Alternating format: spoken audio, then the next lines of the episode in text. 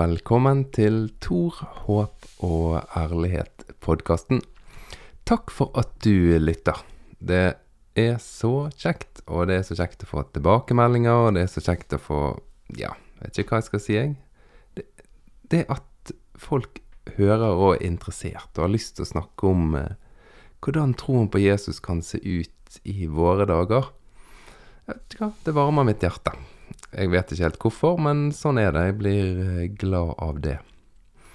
Og i dag så skal vi gjøre noe som jeg har gledet meg til en stund, og jeg tror du kommer til å like det. Før vi går inn på det, så vil jeg nevne igjen at det er mulig å bli en eh, støttespiller til Tor Håp og Ærlighet-podkasten. Da går du inn på Patrion-siden til Tor Håp og Ærlighet. Jeg eh, deler den lenken på nytt på Facebooken. Så finner du den der, og så kan du registrere deg som eh, støttespiller, fast giver. Så sørger vi for at Tor Håp og Ærlighet-podkasten kan utvikles. Det er noen veldig spennende planer på gang som jeg ikke helt kan si ennå. Det var spennende, var ikke det? Veldig irriterende når folk sier sånne ting. Det er noe spennende på gang, men jeg kan ikke si det. Men sånn er det. Jeg må jo ha litt tanker for utviklingen av denne. Eh, men som sagt, i dag så tror jeg at eh, du vil finne denne podkasten litt sånn tankevekkende. Den vil kunne være med og sette noen eh, nye tanker i gang, og jeg tror du vil kjenne glede med det. For det er Jeg holdt på å si jeg har skrevet brev til en venn, men det blir litt voldsomt. Jeg har skrevet brev til en mann som heter Paulus, fordi at jeg har ganske mange ting jeg lurer på med ting som han har vært forfatter av, og ting som han har blitt tillagt forfatterskapet på, som han mest sannsynlig ikke har ansvaret for men det er nå engang sånn at i mange år så slet jeg veldig med å lese de eh, brevene hans. Mm. Det var noe sånn som jeg opplevde altfor bastant og uhåndgripelig. Altså, altså, han skriver en del ting som det bare ikke går an å forholde seg til i dag. Og, og så hadde jeg en eller annen sånn følelse av at ja, men skal jeg lese disse her eh, brevene, så må jeg på en måte ta det som bastante forklaringer og svar på store og utfordrende spørsmål i livet, og så klarte jeg ikke helt det. Men så har nå det økt på de siste årene med at jeg syns jeg begynte å bli litt glad i Paulus. Eh, det var en liten sånn trigger at uh, meg og de to brødrene mine, vi hadde sånn helgetur på hytten, der vi leste romerbrevet sammen. Og da merket jeg at Paulus han er jo en som tenker og lurer og spør.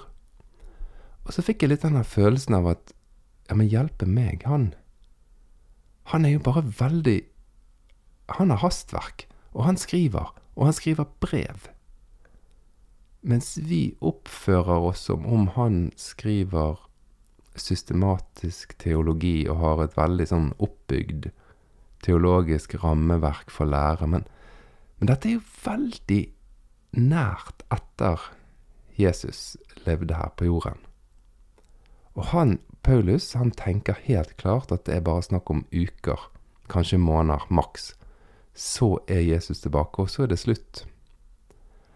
Så han, han har blitt tillagt noe sånn systematisk teologiholdninger når vi leser han, som jeg føler er veldig urettferdig.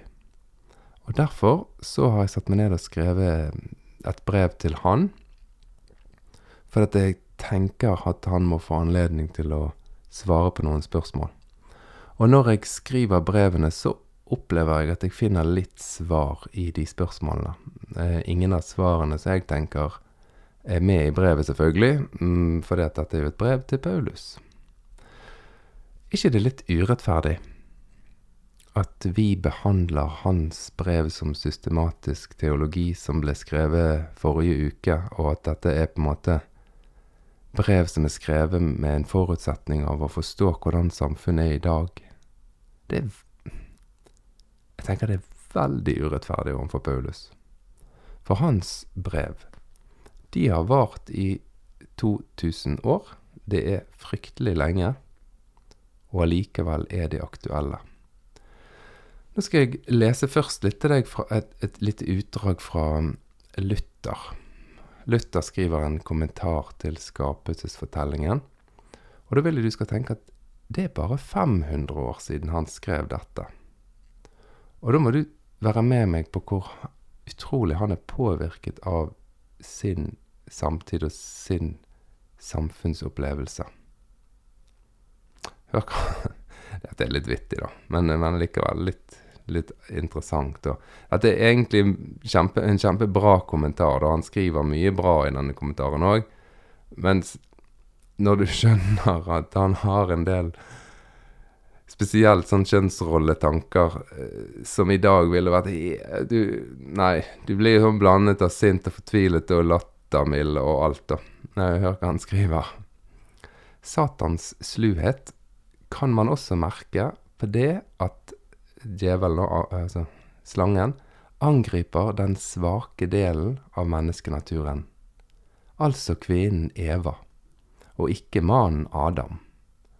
For selv om de begge ble skapt like rettferdige, så hadde likevel Adam et fortrinn framfor Eva. Likesom mannens kraft overgår kvinnens i hele naturen ellers, så var det også i den fullkomne naturstilstanden slik at mannen sto noe foran kvinnen.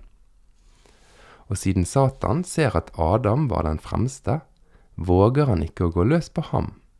Han frykter at det vil bli et forgjeves forsøk. For min del tror jeg at dersom han hadde prøvd å friste Adam først, hadde Adam gått av med seieren. Han ville antagelig ha tråkket slangen ned i støvet og sagt, Ti stille med deg, Herren har befalt noe annet. Derfor går Satan til angrep på den svakeste av de to, og setter hennes krefter på prøve. For han ser at hun stoler fast på mannen, at hun tror hun ikke kan synde. Ja, og når du, når du hører dette, så tenker du å hjelpe meg for en sjåvinisme. Jeg er jammen glad jeg ikke lever i et samfunn der dette var de gjennomgående tankene. Og så vet du at det finnes samfunn i dag der sånne tanker fortsatt eksisterer. Men det er iallfall åpenbart, og du er ganske avslappet med at ja, men ok, Luther var en mann som levde i sin tid, vi må lese det han skriver, eh, se på holdninger og tanker som kan være viktig å ta med seg. Tross alt så var mye av det han skrev, helt utrolig viktig for fremveksten av humanisme og menneskerettigheter og ja. Sånn at det klarer du fint å, å liksom forholde deg til. Altså Du kan strekke litt på smilebånd av tanker som bare ikke hører hjemme i dagens samfunn. Og så kan du kjenne at du blir litt utfordret av gode tanker som, som faktisk er litt moderne i dag, da. Ja, det ble en annen samtale, så vi kan ikke gå inn på den Luther-kommentaren nå i dag. Men jeg hadde bare lyst til å vise deg det er 500 år siden. Og så når du leser Paulus brev, så kan du tenke at det er 2000 år tilbake de ble skrevet. Og hvordan var samfunnet da? Hvordan var kjønnsrollene da? Hvordan var menneskeverd da? Hvordan var tanken rundt slaveri da? Og når du først kommer dit, så lover jeg deg, da kan du lese Paulus helt avslappet, uten å tenke at dette er detaljinstrukser og teologisk, systematisk arbeid. Da kan du tenke at dette er et brev. Dette er et brev til en gruppe mennesker som lever i et samfunn som har en masse tanker og holdninger. Noe bra, mye som vi ville synes var helt forferdelig. Ja. Så for at Paulus skal få litt sånn sjanse til å uh, si, få en ny mulighet også hos deg, så skal du få høre brevet som jeg sender til Paulus i dag. Til Paulus, min bror i troen på Jesus. Hei. Håper det står bra til, og at du er ved godt mot. Ikke sikkert du er informert om alt som har skjedd siden du sendte brev fra husarresten i Rom. Tenkte derfor å oppdatere deg på noen saker og sende deg noen spørsmål jeg virkelig ønsker å få svar på. Dette er det første brevet jeg sender til deg, og hvis du tar deg tid til å svare, blir det neppe det siste. Listen med spørsmål er svært lang, men vi får begynne i en ende og se hvor langt vi kommer. Først og fremst vil jeg du skal være klar over at brevene dine har bidratt til uendelig mye positivt i løpet av de 2000 årene som har gått. De har hatt en helt utrolig evne til å få fornyet mening. Som for eksempel har brevene dine hatt sentral rolle når det gjelder slavehold.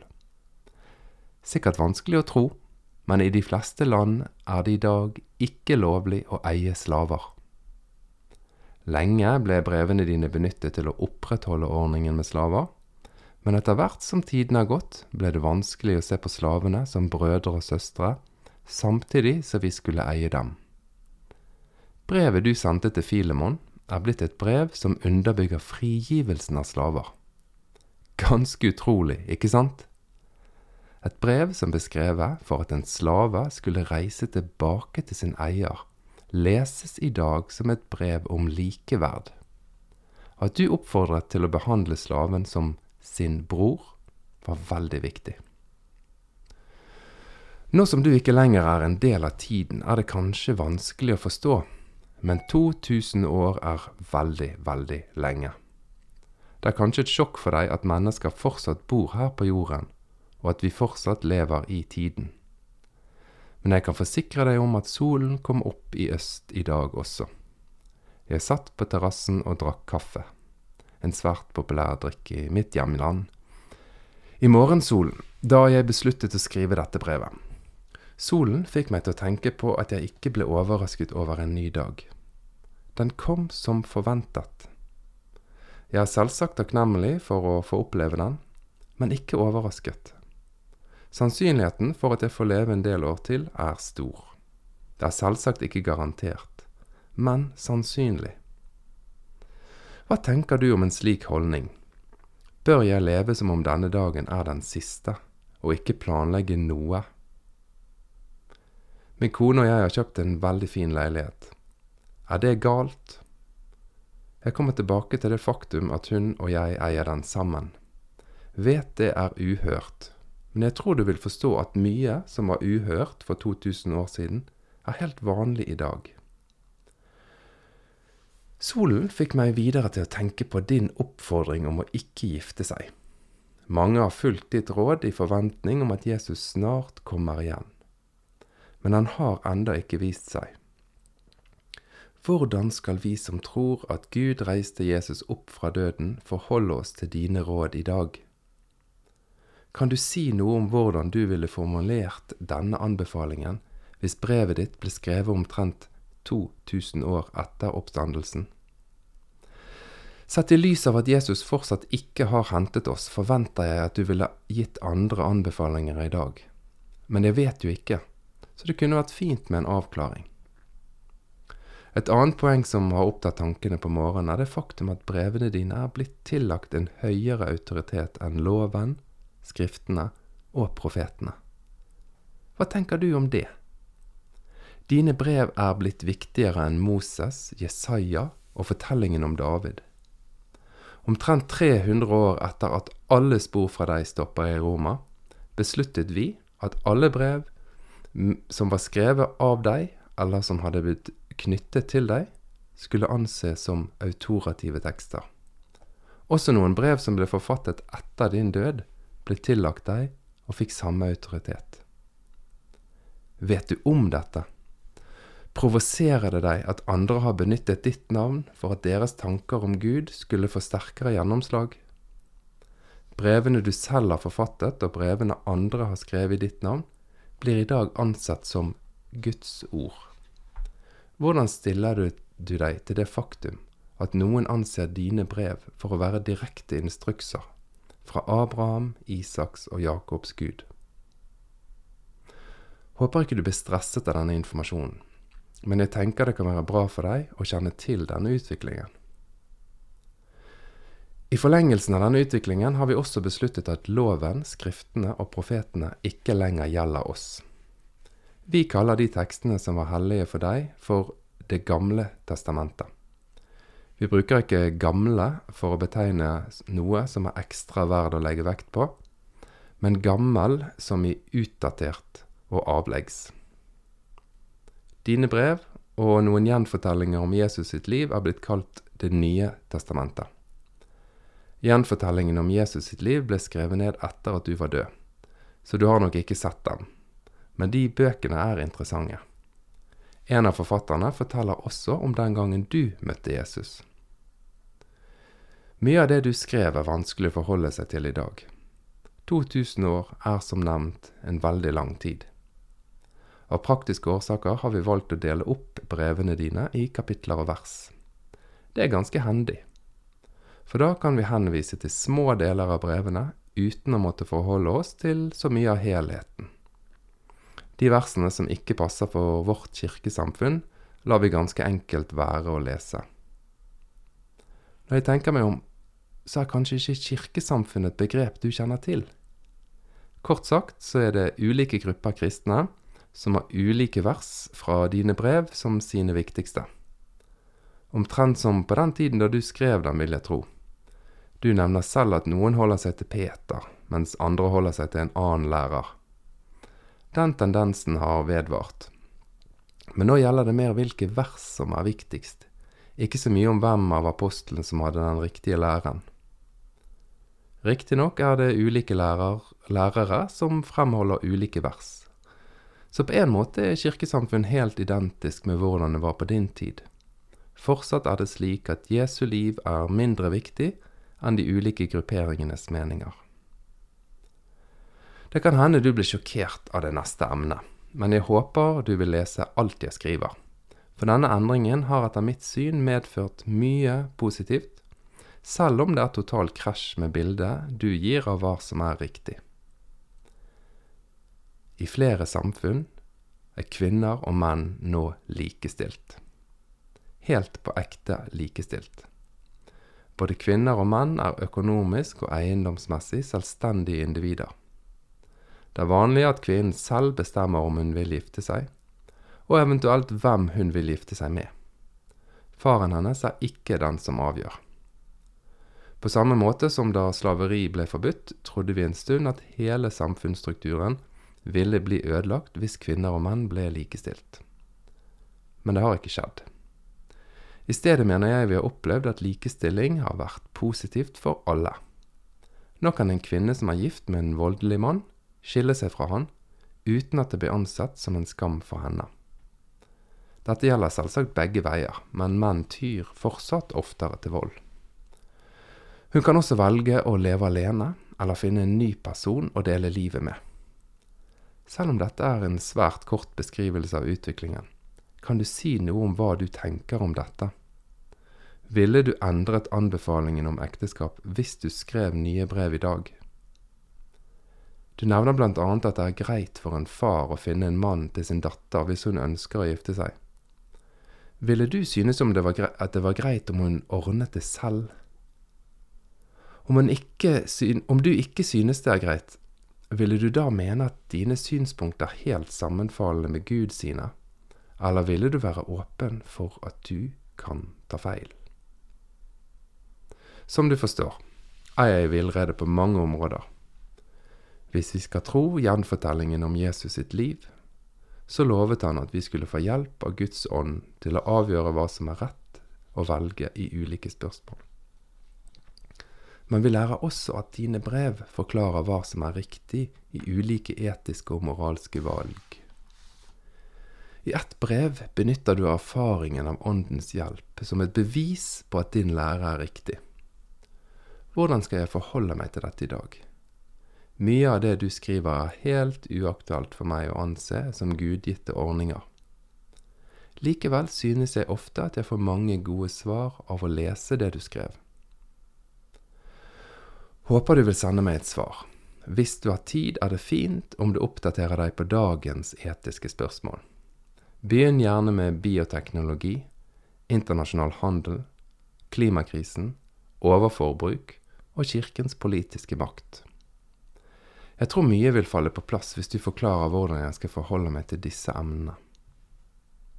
Helt til slutt. Forståelsen av ekteskapet har som nevnt endret seg vesentlig. I dag er det to likeverdige personer som velger å leve sammen. De kan også gjensidig velge å avslutte ekteskapet. Dette har medført en mye høyere forventning til hva forholdet skal innebære. Det har også ført til at to av samme kjønn inngår ekteskap. Det er ikke lenger så vanlig å ha likekjønnede forhold utenom ekteskapet. Tenker du at dette er en positiv utvikling? Jeg tenker det. Trofasthet og overgivelse er nå et gjensidig ansvar for voksne mennesker som har valgt hverandre. Er det slik at denne utviklingen provoserer deg, eller kan du tenke at det er bra at ekteskapet har blitt en gjensidig forpliktelse basert på kjærlighet.